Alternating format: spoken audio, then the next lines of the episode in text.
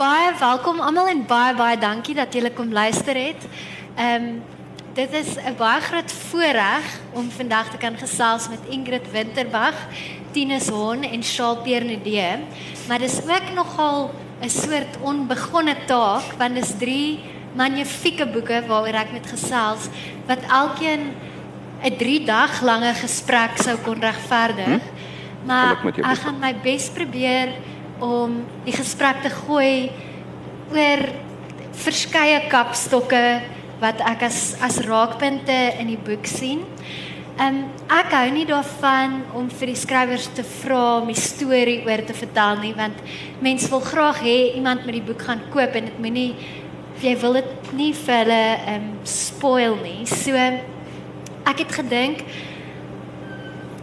as 'n as 'n vertrekpunt As julle elkeen dalk eerder iets sal vertel oor die ontstaan geskiedenis van van hierdie spesifieke werk. Ehm um, hoe het dit begin? Was daar 'n sneller? Was daar een of ander soort katalisator? Was daar 'n nota in 'n ou notaboek waartoe jy teruggekeer het toe jy moes begin met 'n nuwe boek of 'n eerste roman in jou geval Shalpeer? Ehm um, of wat het hierdie geskrywery aan die gang gesit en ek dink kom ons begin by jou dan werk ons om so deur. Ehm um, Bibi, uh ja. Jy vra my nou iets wat so ver terug kan, dis amper soos voor my geboorte. Vertel alles met niks uitlaat nie. Nee, uh ja, it's a past life regression, nie eksport sommer. Dit was dit was iewers in die 80er jare wat ek 'n boek wou geskryf het. Uh met die titel Die ongelooflike onskuld van Dirkie Verwy. Mm -hmm. En toe het ek uh en dis al wat oorgebly het van dit was waarskynlik die impuls. Uh ek dink daar was 'n impuls agter dit, maar dit het ek nou regtig vergeet. Um die titel het toe is al wat bewaar gebly het en toe het ek uiteindelik uh in die um uh, weer gewerk met uh, met weer, weer begin notas maak. Die die idee, die oorspronklike idee was om 'n boek te skryf oor oor 'n dubbel werklikheid. Uh wat mekaar wat dalk nie normaalweg van mekaar bewus is nie. En daai idee kom al 'n hele rukkie ehm um, uh met my saam en miskien is dit soms 'n idee wat oorspronklik uit die Bybel uitkom. Dis nou nie eintlik so oorspronklik nie. Ehm um, en later wanneer ek het toe ek nou die actual boek begin skryf toe ek veel ouer is, ehm um, het ek daai idee verfyn in iets anders in en dit is wat die boek gekom uh, wat wat toe die boek geword het. Ek sou sê die impuls die impuls was die woord ongelooflike onskuld. Okay. Tinus, wat van jou? Het jy het ehm um, wat het geword van Dinsdag erns spesifiek ontspruit? Ehm um, man, ek het ehm um, ek was 20 jaar gelede het ek so uh, by die National Arts Council 'n travel uh, grant gekry en toe gaan ek New York toe. En wat natuurlik dan van die experiences wat ehm um, maar ek het na twee dae geweet ek wil nie regtig daar bly nie. Wat ek altyd gedink het dis my droomplek en dit in 'n op 'n manier is dit nog steeds maar dis 'n plek wat ek wil besoek. Um, en ek wou 'n boek daaroor skryf. Ek het uh, uh prentjies geteken en goedjies neergeskryf, uh, maar ek het nie geweet waartoe dit gaan nie. Intussen het ek nou twee ander boeke geskryf wat ehm um, ek dit is net goeders wat meer pressing was, goeders wat ek graag wou sê. Hierdie het ek ek het nie benul gehad waarheen dit gaan nie. Ehm um, en ek het ek het begin omtrent seker 20 keer oor geskryf wat my styl is want ek moet eers net so ek moet daarom ek hoef nie hy is nou nie perfek te wees nie maar ek moet dan die begin moet dan rol en dan moet iets wees. En ehm um, ek het nie geweet wat die hoofkarakter gaan doen nie net baie ek se painter so is iets wat redelik mm, maklik is. Ek weet baie van en ek, my kuns uh, geskiedenis kennis uh, is is goed. Maar dit was nog steeds nie dit nie ek het nie geweet wat nie maar toe het ek hierdie ervaring by 'n galery van iemand wat vir my hierdie ehm um, aanbod maak hierdie dirty offer. Ehm um, wat my sê ek en jy kan baie geld maak. Ehm um, en toe dog ek, "Ah, ek ek gaan dit nie I'm not going to take him up on it." Uh, maar daar's my spark vir wie die karakter is en die res het maar gevloei weet ek ek ek hou niks daarvan om 'n storie te hê wanneer ek begin ek ek skryf want ek wil daai storie ontdek. Uh, dit is wat my aanvuur om die volgende dag weer te ek wil weet wat gebeur met hierdie mense. En toe het ek 'n uh, ander ervaring gehad wat ek nou nie wil uitblaker nie ehm um, wat my lewe nogal omgeswaai het so 3 jaar gelede. En ehm um, dit het vir my einde gegee. Toe weet ek waar in die boek hoe die boek gaan eindig. En die karakter, die New York karakter, die uh, karakter wat jy uh, in New York ontmoet, dit is 'n iemand, dis 'n regte iemand. Maar uh, ek het hom nou maar net in die backpacker ontmoet, so ek het min van hom geweet, maar na 'n week het ek al 'n idee gehad van hom as 'n karakter in 'n boek en hy se van die begin af ehm uh, deel gewees het, maar hy sou 'n baie groter rol gespeel het. Dit sou uh, die die, die aanvanklike idee was uh ek het daar ek het dit oorweeg om weg te hol van die ehm um, van van diensplig. En ek het uiteindelik nie die moed gehad my moed het my begewe en hierdie ou het weggehol. Terwyl ek hierdie twee karakters so half te mekaar afspeel maar dit het dit het ek vinnig laat vaar. En toe dat ek 'n ding maar net sy eie loop neem Ingrid, is daar vir jou iets spesifieks? Ehm um, die die die aanvanklike titel was die 100 dae van Margarita Prinsloo. Toe het ek gesien die boek gaan nie in 100 dae pas nie. Alles wat gaan gebeur nie.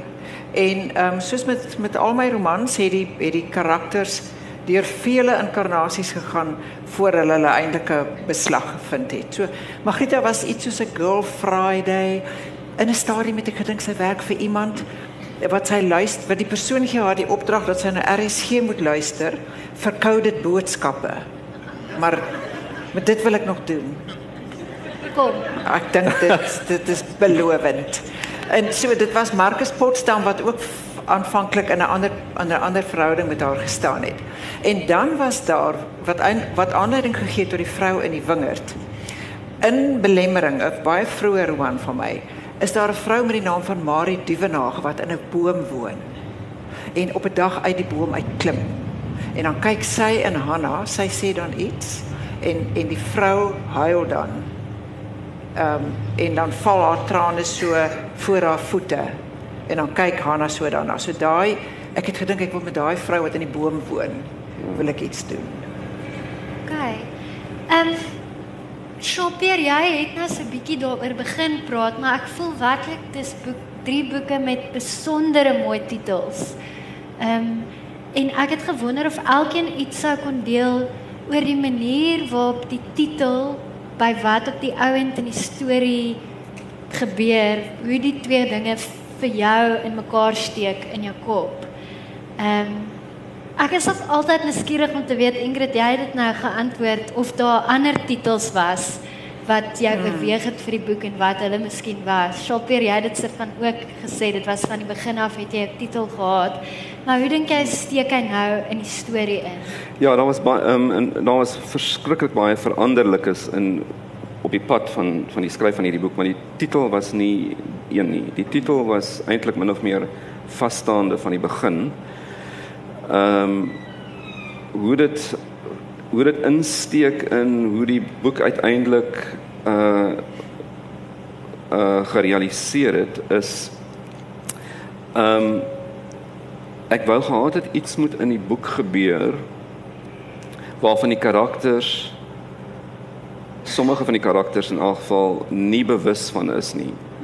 Ten opsigte waarvan hulle ongeloof uh, ongeloof uh, uh, onskuldig is. Ja Ehm um, en dit is wel deel van die struktuur van die boek. Ehm um, ja, uh,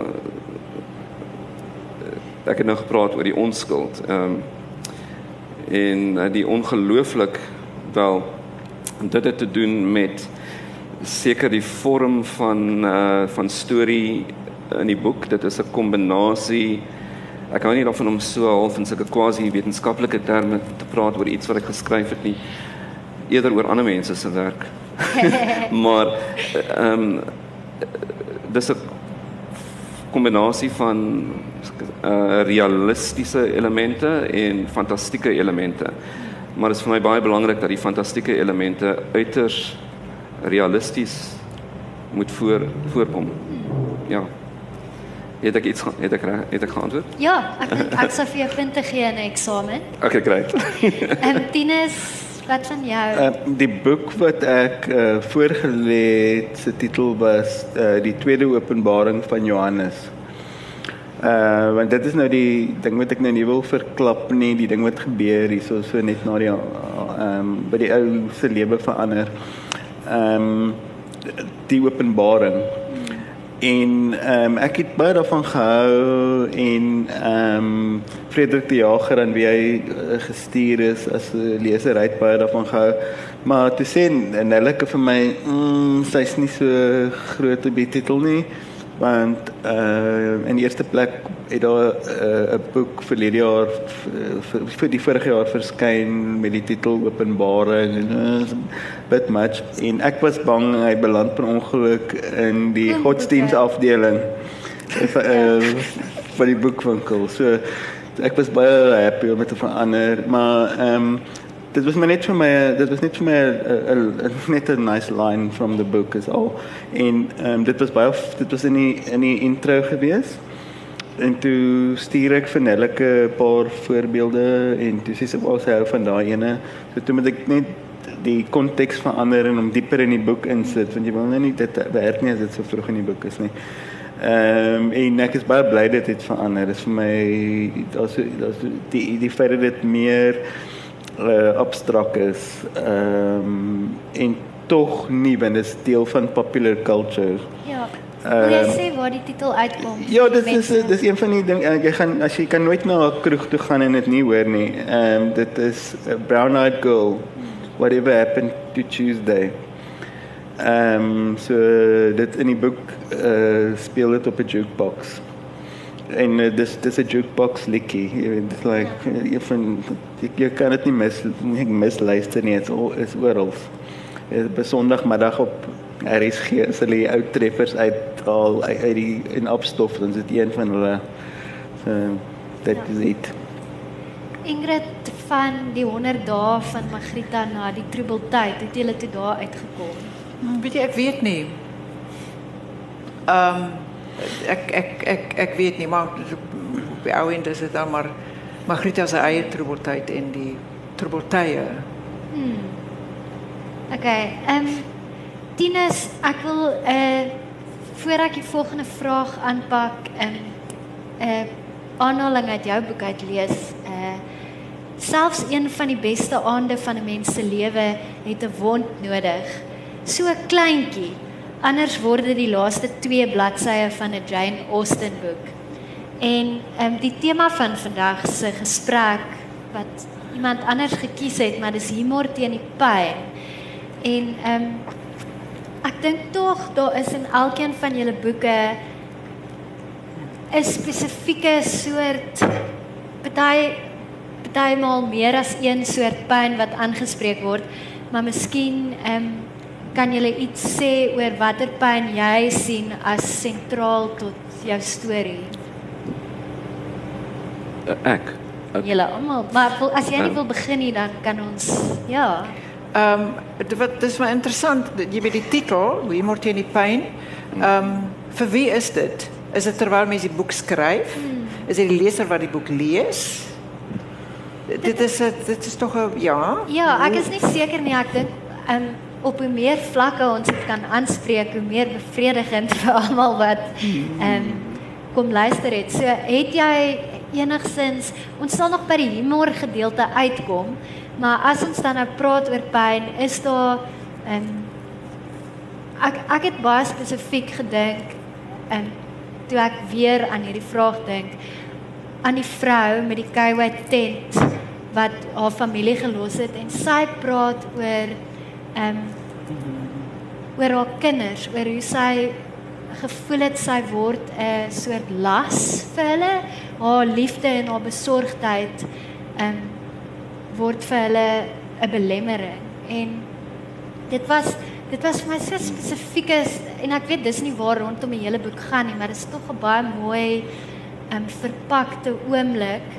Ehm um, Miskien wil jy daaroor praat, miskien oor Magrita se Ja, want ek dink die die vrou in die wingerd het dit eintlik oor moederskap. Ehm um, ja, daar's baie dinge wat haar pyn aan, wat haar leed aandoen. Waarvan apocalypse ja. fatigue ook maar een een is. Uh, Margarita gaan natuurlik ehm um, ehm um, deur 'n sy sy hakkie heeltemal uit mm. en dis nie aangenaam nie. En en en ek dink daar's ek dink daar's verskillende verskillende karakters het verskillende pyne. Mm. Potsdam kom op die ou en kom dit dat hy in 'n baie baie swaar depressie is waaroor hy nooit gepraat het nie. Ehm um, die enigste karakter wat eintlik wat eintlik gemaklik deur alles gaan is Isabel. Ja. Die ander het elkeen maar maar ja. een of ander iets wat hulle kniehalter of pyn verskaf, pyn pyn aandoen. Tinus, wat van jou? En Um, ek ek dink aan my persoonlike pyn is iets wat ek seker op al die karakters projekteer en dit is die foute wat ek in die verlede gemaak het en veral goed wat 'n mens wat ek ander mense aangedoen het. Ehm um, my pa was in die Tweede Wêreldoorlog by El Alamein en hy het, ek en hy het nie connect nie. Ehm um, maar een keer het hy vir my gesê en nou in sy lewe was verskriklik hard en brutal. Maar dit sê hy vir my ehm um, die goed wat hom aangedoen is is iets wat hy mee kan wat hy kan verwerk. Maar as hy dink in die oorlog dat ehm um, Italiaanse seuns doodgelê in die woestyn en dit was sy toe doen. Daaroor dit kan hy nie verwerk nie. En dit my lewe het natuurlik niks so dramaties opgelewe nie, maar ehm um, ek, ek ek voel dit is die goed uh wat by my spook. En dit as wanneer ek skryf, ek sê nie ek skryf vir terapie nie, maar dit is wat ek aanspreek. Uh ek wil dit verstaan. Uh en dan ek gebruik maar humor om dit af laat dit nie 'n donker onleesbare teks word nie. Ja, anders is dit die boek van Openbaring. Exactly. Dit is 'n Jackson Openbaring ook, hè. Ja, dit is maar ja. Ja. Ja. Ehm um, ek dink ehm um, 'n boek uh met sonder kara sonder karakters wat pyn ervaar gaan gaan uh, 'n redelik vervelige boek wees. Ehm um, en as die skrywer van die van die boek moet 'n mens uh sit van half uh kan kan inskakel by daardie verskillende pyne en uh miskien uh miskien sal ons hopelik het jy self daarvan iets ervaar. Uh maar die vernaamste bron van pyn in my boek sou ek sê is die bron van is die is ehm um, die dinge waarin die mense van daardie gemeenskap waaroor my boek gaan glo. En hulle glo daarin as iets wat nie kan verander nie. En dit skep geweldige pyn vir hulle. En ehm um, uh dis een een vorm daarvan. Ehm um, en uh en dan gebeur daar dinge wat wys dat dit wel kan verander of dit verander so 'n bietjie al van self uh uh jy weet dis dis amper soos um iemand in 'n donker kamer en hy lag en hy loop die hele tyd teen teen mure vas en daar is 'n en daar is 'n soundtrack wat um um van canned laughter ha ha ha elke keer as hy teen die muur vasloop en dan uiteindelik vind hy die deur um en uh, dan hou die canned laughter op. So iets ek gebruik nou net af maar um uh ja die dinge waarna mens glo of wat jy ge geërf het om in te glo kan geweldige pyn veroorsaak en dis nie sleg om dinge te geërf het om in te glo nie. Dis nie wat maar mens moet uh hopelik jy weet deesdae gaan ons anders om met wat ons wat ons beerwe uh meer um osmoties en so.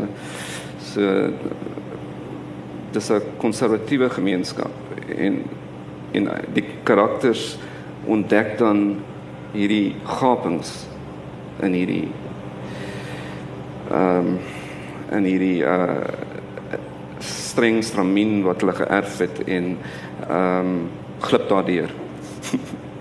Ehm, Sweet. Ek ek hoop dit Ja. ek hoop ek praat nie te Nee nee, Abstrakt nie, Ek wil aangaan daar. Ek het 'n vraag spesifiek vir jou oor hierdie konsep van ewe wêrelde. Ja. Soos wat jy dit in Dirkie gebruik Ja. en ondersoek. Ehm um, watter funksie voel jy vervul dit ten opsigte van 'n soort kontemporêre relevantie vir jou boek? As dit ek weet mense wil dit nie allegories lees noodwendig as dit Mm. is wat dit is en dit is wat dit beteken vir ons nie. Maar daar's tog dit dovetail tog met soort van wat ons geërf het, waar ons nou is, maniere om sin te maak ja, daarvan. ja. Ehm kan jy iets daaroor sê? Ehm um, net kortliks die idee van ewe wêrelde ehm um, vir my vir my het dit eerstens gegaan om 'n metafoor te vind. Okay, vir vir sekere realiteite in die wêreld.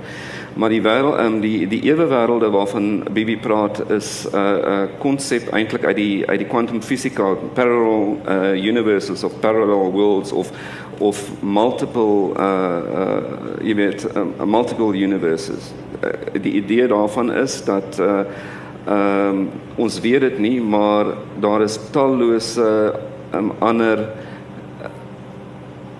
uh universums waarin ons waarin daar ander weergawe van ons bestaan. Uh dis die idee. Okay, en dan hierdie ehm um, idee ehm um, kom kom dan ter sprake in die boek. Dis toevallig nie net 'n idee wat in die kwantumfisika voorkom nie, dit kom in die filosofie voor en dit kom heel waarskynlik op ander plekke ook voor. Ehm um, maar dit is 'n nice metafoor om te gebruik vir 'n uh, realiteit waaroor die boek gaan, en naamlik Suid-Afrika en ek het eendag gesê waar uh, iemand het my gevra waar het ek die idee gekry toe sê ek ehm um, ek het die idee gekry van Suid-Afrika. Ehm um, dit is uh dit is 'n land uh wat uh uh nie uh een wat nie 'n koherente werklikheid het nie waarmee dit werk nie. Dit het uh disparate werklikhede wat te mekaar opvryf. En in hierdie werklikhede is daar ander mense net soos jy en ek. Uh maar uh, hulle het eintlik heeltemal 'n ander werklikheid. Ehm um, maar tog is hulle net soos jy en ek. So ek het 'n metafoor probeer vind vir die politieke aard sou ek sê van Suid-Afrika vir ehm um, ja, Ja, gedeeltelik. Ek dink dit antwoord mooi. Ja. Ehm Ingrid, met die lees van die Troebeltyd het ek vir die eerste maal kennis geneem van bizarro fiction as 'n Ja, ek ook. Sal ek sê 'n literêre beweging of 'n genre of maar dit is die eerste maal waar ek daarvan gehoor het en dit het my baie geïnteresseer en ek het net so bo langs op die internet dinge daaroor gesoek. Maar as mens net so bo langs gaan, is daar nie besonder baie inligting oor beskikbaar nie. Ehm so ek het gewonder of jy miskien ietsie daaroor sal vertel en of dit hierdie ehm um, literêre genre of beweging 'n invloed uitgeoefen het op die troebeltyd enigstens. Ek weet daar is karakters wat uitsprake maak in die boek oor die waarde van bizarro fiction. Maar ja, ek sal graag wou hoor of jy reken en um, jou kennis name daarvan en jy het waarskynlik baie meer navorsing daaroor gedoen. Ehm um, het enigstens 'n invloed gehad op die styl van van die troebeltyd. Ek dink ek moet heel eers sê dat die troebeltyd pas nie in die bizarro fiction mold nie. Ehm um, dis dis 'n motief in die boek. En ehm um, dis miskien gebonde aan 'n bepaalde karakter.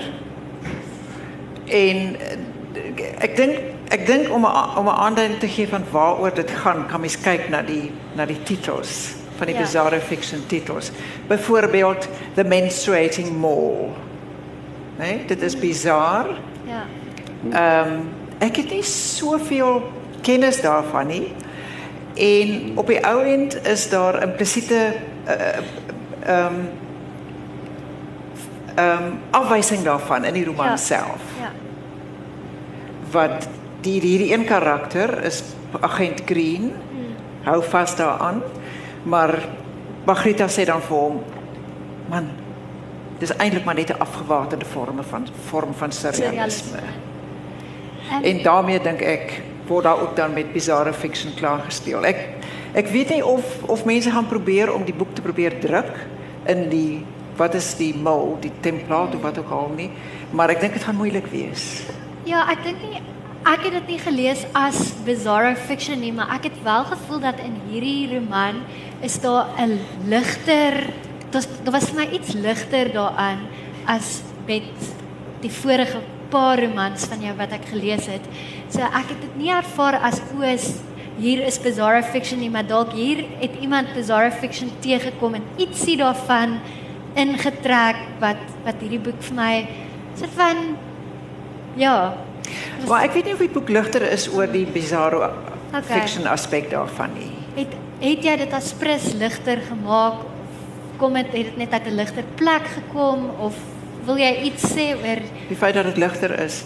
dink jy dit is Ehm, ligter? Is dit ligter? Ek het nie gedink dit is ligter nie. Okay. Ek dink is meer gestroop. Ek dink omdat dit meer gestroop is, lyk dit asof dit ligter is. Ja. En miskien is dit maar 'n soort natuurlike evolusie. Jy weet dat ehm um, Ja. dat die boeke raak meer gestroop en dit dit miskien 'n ligter gevoel. Die aanslag is miskien 'n bietjie ligter. Ja. Ehm um, Miskien 'n tipe karakter ook soos Isabel waaroor ons nou nou gepraat het wat elke nou en dan net so inkom daar. Ek wil nie haar tagline weggee nie, maar Ja. dit is mens lag, mens lag kliphard elke keer as sy met dit uitkom. Ehm um, Ja. ja. Uh Tinus, ehm um, vir jou die spesifieke ding wat ek by jou wou hoor is die gegewe van kunsvervalsing wat baie sentraal staan tot jou plot en die die storie wat jy weef. Ehm um, wil jy iets daaroor sê en deel hoe mens so iets navors wat eintlik inligting daaroor behoort bep- as as mens weet hoe dit gedoen word en en wie dit doen en so dan dan gebeur dit dan kan mense tog nie meer daai tegniek gebruik en dan moet hulle nou iets nuuts uitdink. So waar is die inligting maklik om te vind of het jy dit uitgedink? Kyk ek hou daarvan om dit goed uit te dink, maar jy kan nie dit heeltemal net uitdink nie, want dit moet sin maak. Dit moet ek ek moes navorsing doen oor oor goed soos hoe wat hoe gaan die ehm eh, die daar dit word nou die goed word chemies ontleed en so aan. Ek moes daai ek dis al wat ek nagevors het. Ek weet nie die die die, die manier van uh, hoe sou iemand 'n kunswerk vervals? Ek dink okay, hoe sou ek dit doen? That's Ja. how I want to do it. Ek wil kyk, hoe sou ek dit doen? Almal doen dit natuurlik verskillend. Ehm um, well, een van my gunsteling kunstenaars is Geert Jan Jansen. Hy's 'n vervalser of note. Hy het 'n ehm 'n uh chateau gehad met 'n uh, Picasso kamer, 'n Matisse kamer. Uh so en dan, dan staan hy in die oggend op, dan sal hy miskien 'n Matisse tekening doen en dan vat hy 'n bietjie 'n break. En dan doen hy 'n 'n print van Pica- Picasso en dan oh, teen die middag gaan sy reg om 'n skildery van iemand anders aan te pak en so. So maar ehm het dit gewerk? Die ou het so lank weggekom daarmee. Ja. En toe hy's hy's so goed. Hy's so goed. En en hy hy dink dit goed uit natuurlik. Jy kan nie 'n uh, bestaande kunswerk vervals nie want mense sal dadelik ehm Okay. um, so jy moet jy moet in die styl van die persoon en ehm um, hy het weggekom daarmee want ehm um, hy is toe gevang uiteindelik ehm um, in uh Frankryk, maar toe ehm um, skip hy oor na Holland toe en lê het nie uh, uitlewerings ehm um, Ooreenkoms. uh, moet uh, hulle het dit met uh, ernstige soos uh, goed soos uh, moord en so aan sou hulle uitruil maar nie vir vervalsing nie. So hy he got away with it. En hy doen dit nog steeds. Ehm um, maar nou maar nou sy nou ontmasker. Ja, hy's ontmasker. Ja, ja, hy's ontmasker. Uh, maar nou doen hy dit nog steeds en dan teken hy dit agterop met potlood. Jy kan dit uitvee as jy wil. Teken hy dit met sy eie Hy naam? teken dit met sy eie naam agterop en jy kan vee dit uit as jy if, if you want to do it. Dit is nie sy probleem nie. So ehm um, dis daai interessante karakters. So die die um, uh in my boek Joe die vervalser is minder interessant in daai level die die vrou wat hom ehm um, by die wat hom commission is die een wat sy is eintlik 'n slinksie en hy hy volg haar instruksies. Dis wat hy doen. So sy is die een wat slinks is en wat goedjies uitdink en uiteindelik het sy vir my 'n interessanter karakter geword as die hoofkarakter. Ehm um, so ek ek ek voel die goeters dit dit hoef nie te klop.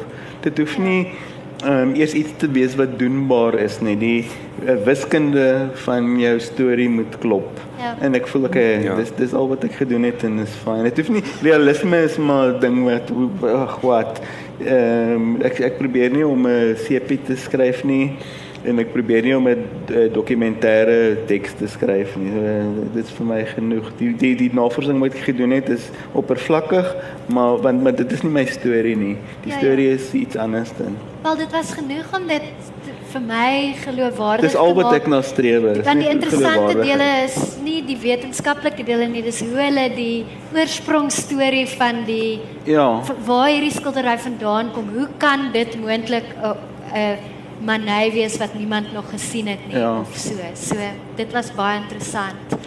Ehm um, net op hierdie noot dalk 'n goeie tyd om te sê as dit julle baie nuuskierig maak, asseblief gaan koop die boeke hier langs aan in die ATKV boeke oase na afloop en die skrywer sal ook daar wees om die boeke te teken as jy 'n getekende een wil hê. So nou kom ons uiteindelik by die die humor aspek uit wat 'n interessante keuse is dink ek om dit was my interessant dat ek gevra is om oor humor met julle te praat. Dis dit sou nou nie die eerste ding wees wat mense dink, o, hier's die drie grapkaste van die Afrikaanse letterkunde nou almal teenwoordig nie.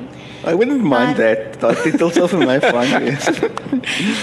ek ek moet wel sê ek het geweldig hard gelag vir die tribbeltyd. So hard dat ek die bure een of twee keer moes SMS om te sê alles is fyn hierbo. Ek lag net vir 'n boek. Ehm um, en ek het gewonder as as jy skryf, ehm um, lê die humor is jou instink vir humor eerstens op die vlak van taal of op die vlak van situasie en storie.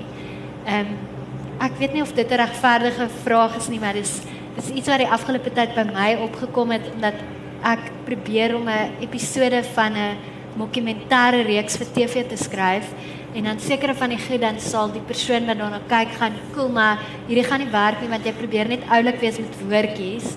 Die situasie moet snaaks wees anders gaan hierdie nie werk nie. En ek dink nie dis noodwendig dieselfde vir 'n roman nie. Ek dink die taal kan baie keer daar juist die humor die die oorsprong van humor wees. Is daar 'n instink by julle vir so iets of 'n bewustheid van waar dit lê of kom dit net is dit meer organies en minder uitgedink? Wie wil begin? Okay, ek sal begin. Ehm um, die een vloei uit die ander, sou ek sê. Hulle is albei ewe belangrik.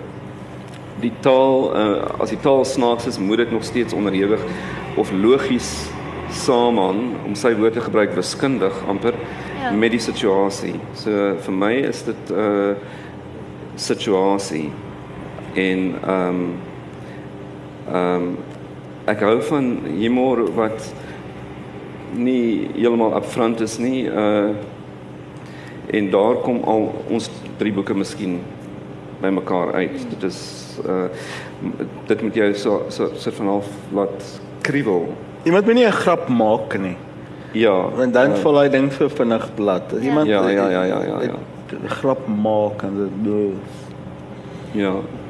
So in my geval was dit die situasie, die tema van die boek wat ehm um, hom kan verleen tot 'n uh, 'n comedy of errors, sê maar. Ehm um, jy weet ewe wêrelde, uh, jy weet ehm um, uh, dit is 'n huis waar in verskillende deure oop en toe maak en en jy weet dis amper soos 'n comedy, die klassieke idee van 'n comedy of errors. Miskien st- miskien daar's 'n kombinasie, daar's Ja, iets wat ooreenstem daarmee. Ja. Ek dink aan 'n tipe klug wat gestage is met al die deure en mense wat inkom en uitgaan Ja, en dis ja, presies, Waar so. in die die morele ek, ek sien dit nou dat jy dit so Ek wil net Ja. iets hoor wat vir my snaaks was aan jou boek.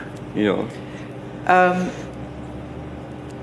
ons het almal het daar het die die apartheid ervaring Ja. en die apartheid speak wil ek amper sê.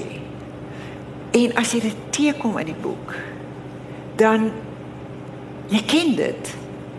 Maar dit is nog so dis so onverwags dat dit snaaks is.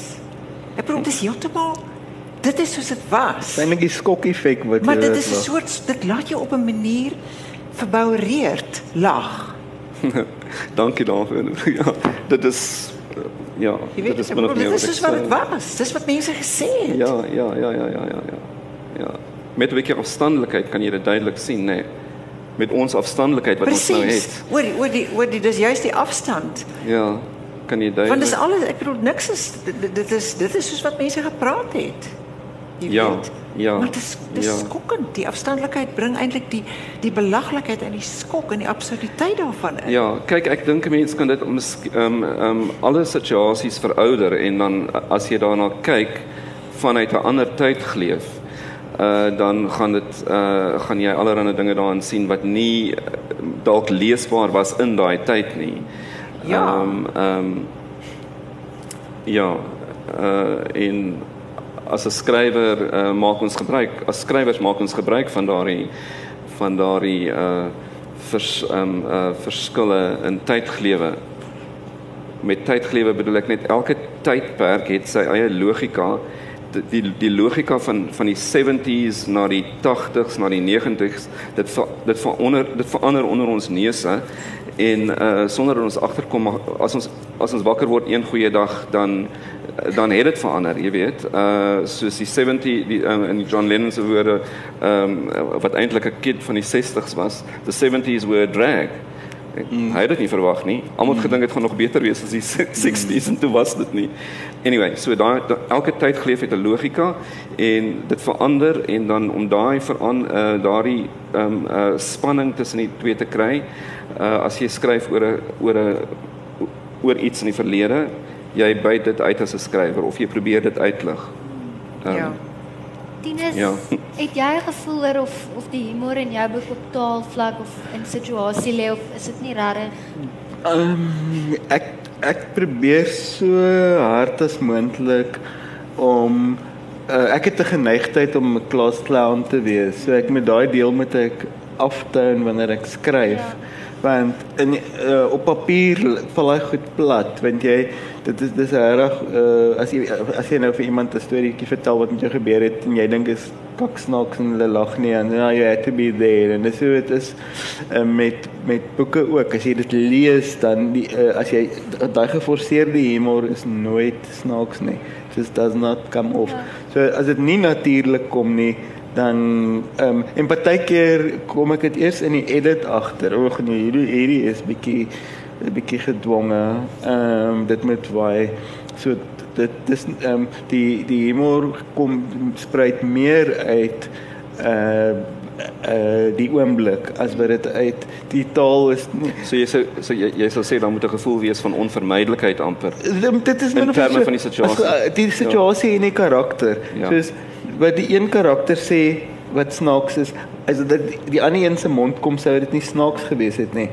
Ehm uh, so jy jy skep daai ding ehm um, jy, jy jy jy skep 'n struktuur vroeg in die boek en dan uh, volg alles op daai struktuur. Daai persoon uh, se persoonlikheid is so en as hulle dan iets doen wat eintlik of heeltemal teen hulle persoonlikheid ingaan of die wat tipies is van hulle en wat onverwags is. Ag, joke. En dis dis dis, ek het net net een boek geskryf wat ek wat ek dink is regtig snaaks um, en dit was 'n uh, bomskok wat oor Vrye Weekblad uh, gegaan het want almal by Vrye Weekblad was die kla klas clown. So uh, dit was heeltemal uh, het daai klomp karakters en hulle snap uit hierdie snappy goed een en weer Ehm um, maar hier hierdie boek het ek nie gedink is snaaks nie. Ek het gedink ek wel daar is daar is humor maar ek het, as 'n mens 'n hele boek skryf en jy lag nie vir een van jou eie grappe nie. En dit is nogal 'n ding want ek het nie vir een van dit gelag terwyl ek dit geskryf het nie. Ek het nooit gedink oh, hierdie is van nie. nie.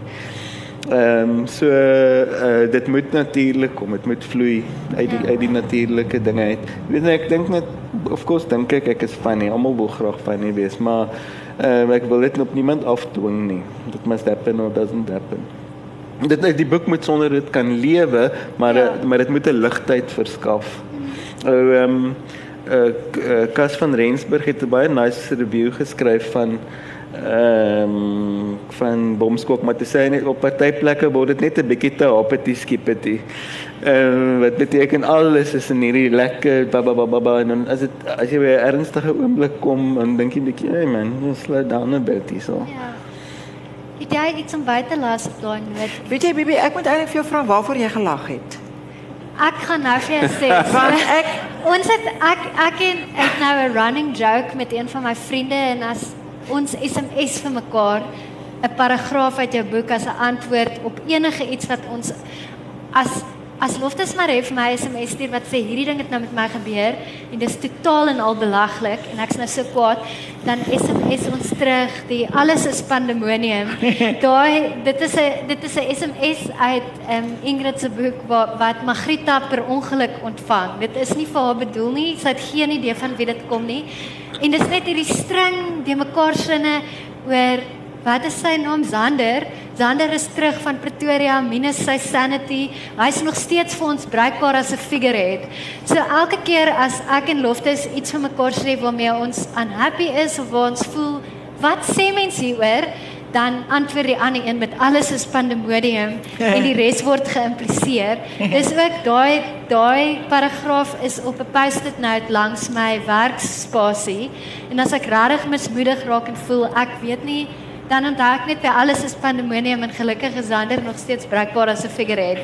So dit was dit was my snaaks maar ook net ek dink die ehm um, die kontras tussen eh uh, Magrita se register, die manier hoe sy praat, die manier hoe haar gedagtewêreld verwoord word en dan 'n karakter soos Isabel wat net vinnig inkom en op haar manier praat dit het vir my geweldig baie plesier veroorsaak. Maar ook net sekere goed. Ek as dit hoe skryf jy hierdie ding in 'n boek neer? En hoe werk dit? Ek het aanhou ek het verloftes en vir 'n paar ander mense aanhoudend geteks en ek verstaan nie hoe hierdie kan werk nie. Dit werk, but I don't understand how. Sis, waar kom jy aan hierdie elemente en hoe is dit moontlik dat dit so goed werk en so snaaks kan wees? So selfs die magic daarvan was vir my snaaks, die feit dat ek nie kan verstaan hoe dit so 'n suksesvolle boek kan wees nie. Ek ook. Dis Maar dit is my absolute gunsteling Winterbag so ver. Dit het, ek het so lekker daaraan gelees en alles het my laat lag. Dit was die hele ding van begin tot einde was vir my skreeusnaaks. En miskien het ek die diep dele gemis, maar ek het net ek het oor alles gelag. Dit was heerlik. Maar ek is ontsettend bly. Regtig. Maar my Ek dink dit is nogal 'n tragiese boek, maar maar is dit nie is dit nie waar dat die tragiese soms die tragiese en die skreeusnaakse lê Ja, ja. baie naby aan mekaar. En dit is vir ons moeilik om dit te erken. ja, maar Maar- dit is wat humor is. Ja. Humor is Ja, dis so ja. verskriklik erg en is so verskriklik snaaks te Ja, gelyk. ja, ja, ja. Ja. Ek het 'n vreemde ervaring gehad um, met een van my ander boeke. Ehm um, wat ek gedink het is nou funny. Dit is sê iemand, "Ag, ek het so gehuil. Toe dog ek wat 'n volk het ek daar verkeerd gedoen." Maar um, ek dink dis presies wat ons nou sê. Ek dink dit dit hang af hoe iemand gekalibreer is of jy gaan lag daaroor of huil daaroor, want dit is baie maal amper presies dieselfde ding met net 'n klein turn of phrase of 'n manier hoe jy die situasie geskets het wat die verskil maak tussen uit en uit tragies en uit en uit die snaakste ding wat ek al ooit gesien het. Ehm maar lag julle ooit hardop?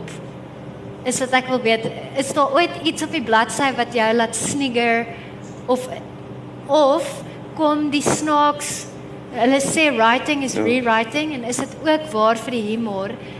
Word dit snaakser in die oorskryf en die herkalibreer daarvan om te gaan, cool, hier's hier's potensiaal vir humor. Ek gaan dit nou oorskryf om dit nog snaakser te maak. Daar nie daai soort Ehm um, ek skryf tydens skryf van my boek het ek wel gelag hier en daar, ja. Dis my lekker ja, om te hoor. ja, ek het hier en daar gelag. Ehm um, uh jy weet, ek meen daar's die idee in die boek ekskuus, daar's nou iets op my oor hierso. Wat is dit? ja, dis sorry, dit is die Skielik bewus. dis dis die toerusting. Ja. Ek het gelag vir een of twee idees. Daar's 'n idee in die boek van die die die reisende biblioteek wat ehm um, eintlik 'n front is vir 'n bordeel. Uh Dit is baie snaaks. Dit het my laat lag hier en daar. Ehm um, Het jy het jy onmiddellik gelag toe daai idee by jou opgekom het? Uh Of nee nee nee dit- nie onmiddellik nie. Ek dink weet toe ek die idee gekry het, het ek eintlik gesoek vir 'n metafoor vir waarvoor ehm um, kennis al in hierdie land uh 'n front voor was Aha. en nog steeds is, jy weet. Nice. It's it's uh it's a traveling it's a traveling show. Ons sal almal na die tyd hier in die tent laat. Ehm Ja. Tinus, wat van jou lag jy soms? Ehm jou? ek glimlag. Ek lag nie hardop nie. Ehm dis dis baie min dat ek op 'n grap afkom wat vir my van my stoel af laat val. It's like, ah, hmm. and then move on. Jy weet, en as ek uh, re-ride dan haal ek grappe uit. Aha. Ek wil die ding so min ehm um, ek ek meen natuurlik ek wil hê die humor moet so natuurlik as moontlik. So as iets vir my half vals terug lyk, maar ek kan nie eintlik dink dat ek iets insit. Eh, Wat dit sal natuurlik gebeur dat ek iets byskryf en dan dink ek "Mm, ja, dit is funny, maar ek gaan nie daai dan chase chase laughs. Ehm um, ek het toe ek, ek het nou my eerste boekie van 100 jaar gelede ek het deur hom geflip en het, ek cringe oor die grappe. Party kere is dit regtig vir my snaaks en en die snaakser is die boek wat ek nou geskryf het.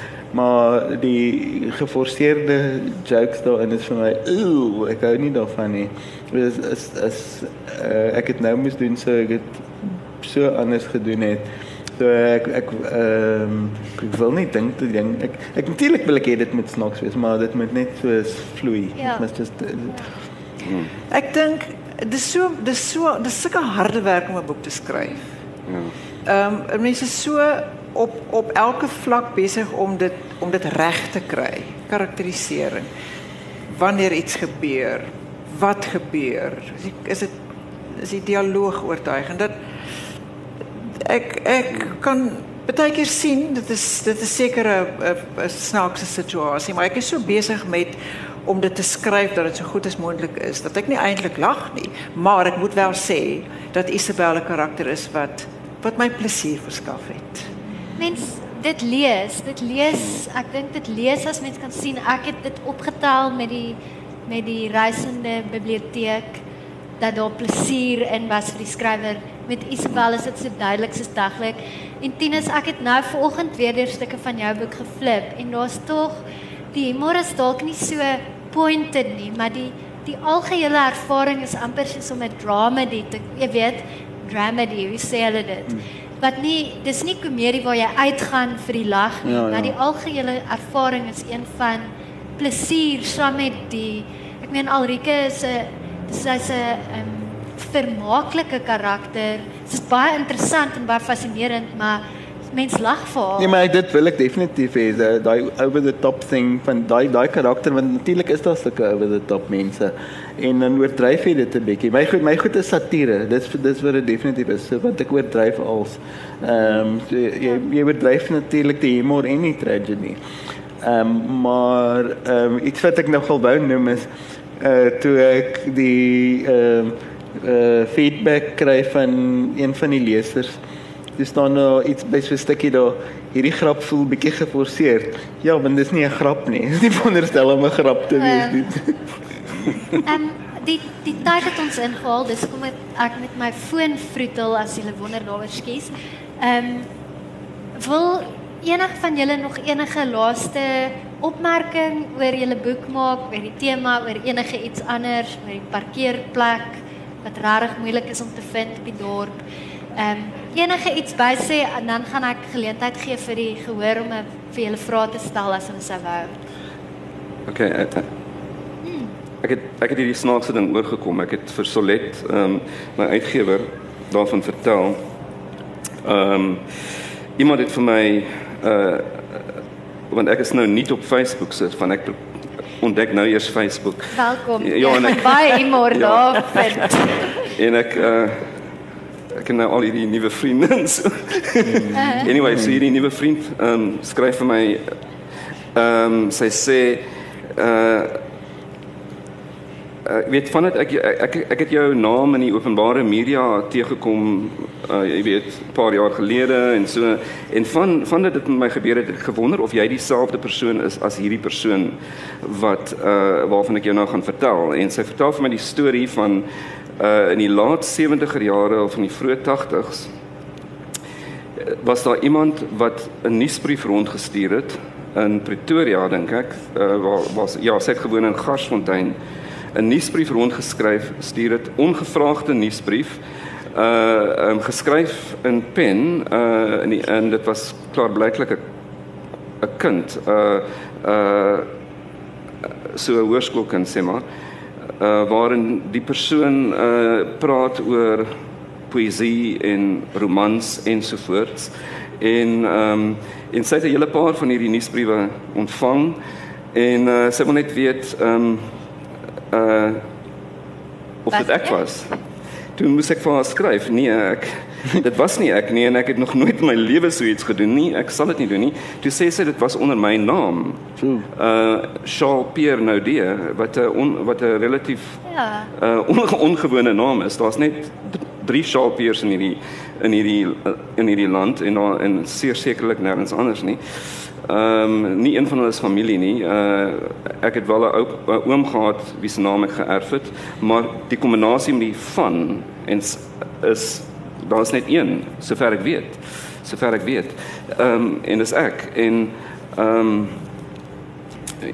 Maar dis En duidelik. toe sê sy vir my uh dit was jou naam en uh anyway, al wat ek wil sê is miskien is dit 'n ewe wêreld weergawe van my. Presies, dit was gewoon 'n ander in 'n ander ja, jy het daardeur geglip in 'n ander in 'n ander wêreld. Ja. Ja, Stel Dis, jy Ingrid is hektiek, is dit nie?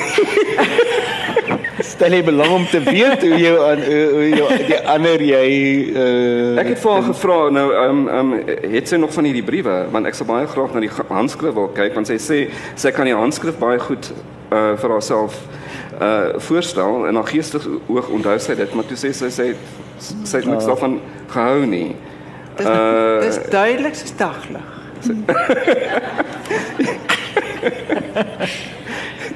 Enige van julle nog 'n laaste opmerking oor enigiets? Ek wil nog net iets sê. Die dit is dit is baie moeilik as mens as skrywer getipeer word.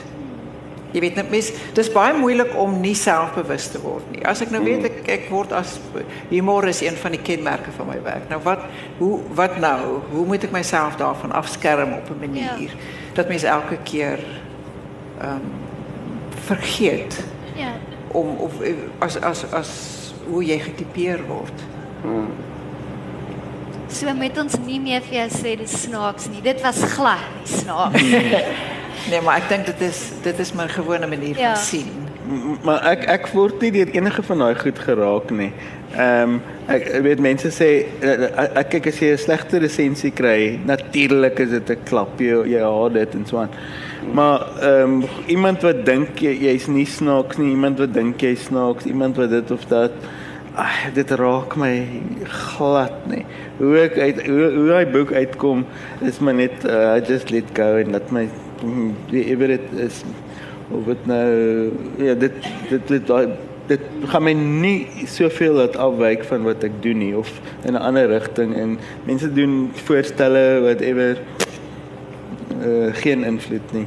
Ek dink jy's baie bevoorreg om so sekuur te te wees. Ek beny jou dit.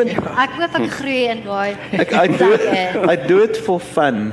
Ah, So ek gaan nie my eie pret bederf nie. Lekker. Op daai noot dink ek is daar enige iemand wat 'n vraag wil vra vir enige van die skrywers? Daar kom 'n mikrofoon net dat almal kan hoor. Dankie, ek wil graag vir Ingrid vra. Ek is van altyd af 'n groot bewonderaar van jou en ek hou vreeslik baie van jou dialoog wat ook dikwels baie baie snaaks is vir my persoonlik. Nou, mense sê dit wil skrywers sê hulle luister mense af, dis waar hulle aan hierdie vreemde soort van dialoog kom. Is dit ook iets wat jy doen of dink jy daardie vreemde dialoog uit? Nee, ek luister nogal na mense. Ehm um, ons het in Durban gewoon en ek het baie min Afrikaans gehoor. En toe ons 'n keer hiernatoe kom, toe sit ek in 'n kafee en toe hoor ek twee mense praat met mekaar en die vrou sê die hele tyd, een vrou sê vir die ander, dis soos in, dis soos in, dis soos in. En ek kon dit nie glo nie. so ja, ek luister, ek luister na na dialoog. Ja. Nog iemand? Moenie skaam wees nie. Hulle is nou hier. Ja? Hallo baie dankie vir die gesprek. Dit was baie lekker gevloei na die einde toe en dit was ook baie humoristies. Ehm um, ek het sommer net 'n eenvoudige vraag waaroor ek dink baie mense wonder is eintlik vir almal of vir een van julle. Wat is julle roetine as julle nou van sit die oggend as julle opstaan, staan julle 5 uur op ek het 'n vriendin wat sê maar half 5 opstaan en dan gaan sy 7 uur werk toe en sy skryf in daai tyd skryf sy haar boeke. Maar wat is julle aanslag? Julle op koffie, julle op tee, wat kry aan die gang? Tyd is om net maar op te staan.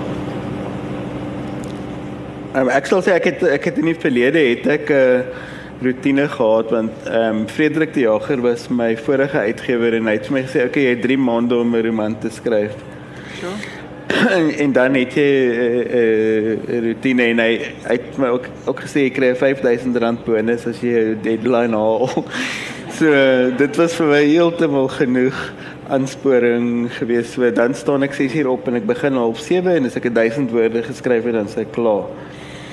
Ehm um, en dit is dan ek nou nog twee uh, daar jy dan skryf jy 5000 woorde uh, eh, week en dan jy 60000 woorde na 3 maande. En ehm um, ek het net daarbey ek het daarbey gestiek en ek is baie ongedissiplineerd in my ander kreatiewe pursuits. Ek doen dit wanneer ek lus het. Uh, maar wanneer met daai het my net dit my gedwing en hierdie laaste boek het ek vir 'n kompetisie geskryf, selfe ding, 'n deadline en ek het nog die ek het die twee uh nagte ek het die twee dae leading up to the deadline het ek 2 ure geslaap en die nag voor die deadline 'n halfuur. So dis dis waansin maar uh ek ek moet ge, ek moet gedissiplineerd wees anders gaan ek die boek nooit klaar skryf nie. En omdat ek by die koerant gewerk het, ehm uh, daar's nie 'n ding soos ehm uh, skryf tot jy dink is goed nie. So ek skryf die ding en maak hom klaar. So dit is maar vir my is dit my lewe hoe dit moet werk wanneer ek 'n deadline het.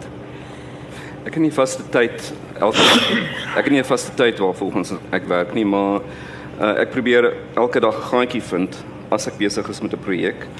Uh so ek het ek is ek is projekgedrewe, so daar sal 'n projek wees uh wat wat uh uh, waaraan ek werk. Ehm um, en ek sal dit maar uh, en ja, ek werk ek, ek voel geïnspireerd natuurlik om terug te gaan en daaraan te werk dag na dag of uh, week na week minstens. Maar eintlik geen vaste program nie. Nee, eintlik redelik haphazard. Ja. Hoe lank het jy gewerk aan die boek? Wat jy eintlik getik het en geskryf het, nie die Ek het uh, ek het die ek het die die eerste draft van die boek geskryf uh in min of meer 'n jaar en toe het ek um, omtrent 6 jaar um uh die boek herskryf en herskryf en herskryf mm. oor 'n tydperk van 6 jaar. Mm -hmm. Maar ek het ander uh, projekte ook tussenin gehad soos 'n digbundel en so, maar ja, ek het hom 14 keer oorgeskryf. Tjoe, of 14 keer deurgewerk. Mm. Deurgewerk, oorgeskryf. Whatever, weggeneem, bygesit. Ja. Ek het kinders op skool gehad, so ek het in die oggend gewerk. Ek werk nou nog in die oggend. Ek ek werk nie, ek skryf nie baie op 'n dag nie, maar ek is gereeld. Ek skryf baie gereeld. En ek dink dit kry die waarde hierdie drif gewoon gereeld elke dag. Elke dag. Ek dink is al wat vir ons tyd het tensy daar iemand is wat desperate vrae op die hart het. Wyf jou hande. Ja, dis dit. Baie baie dankie dat jy Ek, ek wil gou nog ja, iets iets quote uit um, uh so 'n boek oor daai oor die oor die uh editor Maxwell Perkins. Hy was Thomas Wolfe en Scott Fitzgerald se uh, uh editor. En dis hy een keer vir ehm um, vir Thomas Wolfe. Jy moenie neersien op Fitzgerald nie. Jy skryf 4000 woorde op 'n dag. Hy skryf 300. Ek hoor ek hoor presies wat jy sê. Ja, ja. Ehm um, baie dankie dat julle kom luister het. Die wat nog nie die boeke het nie, onthou dit is beskikbaar hier langs aan. Ehm um, en ja, weer eens dankie. Dankie vir julle ruimhartige antwoorde en lekker gesels.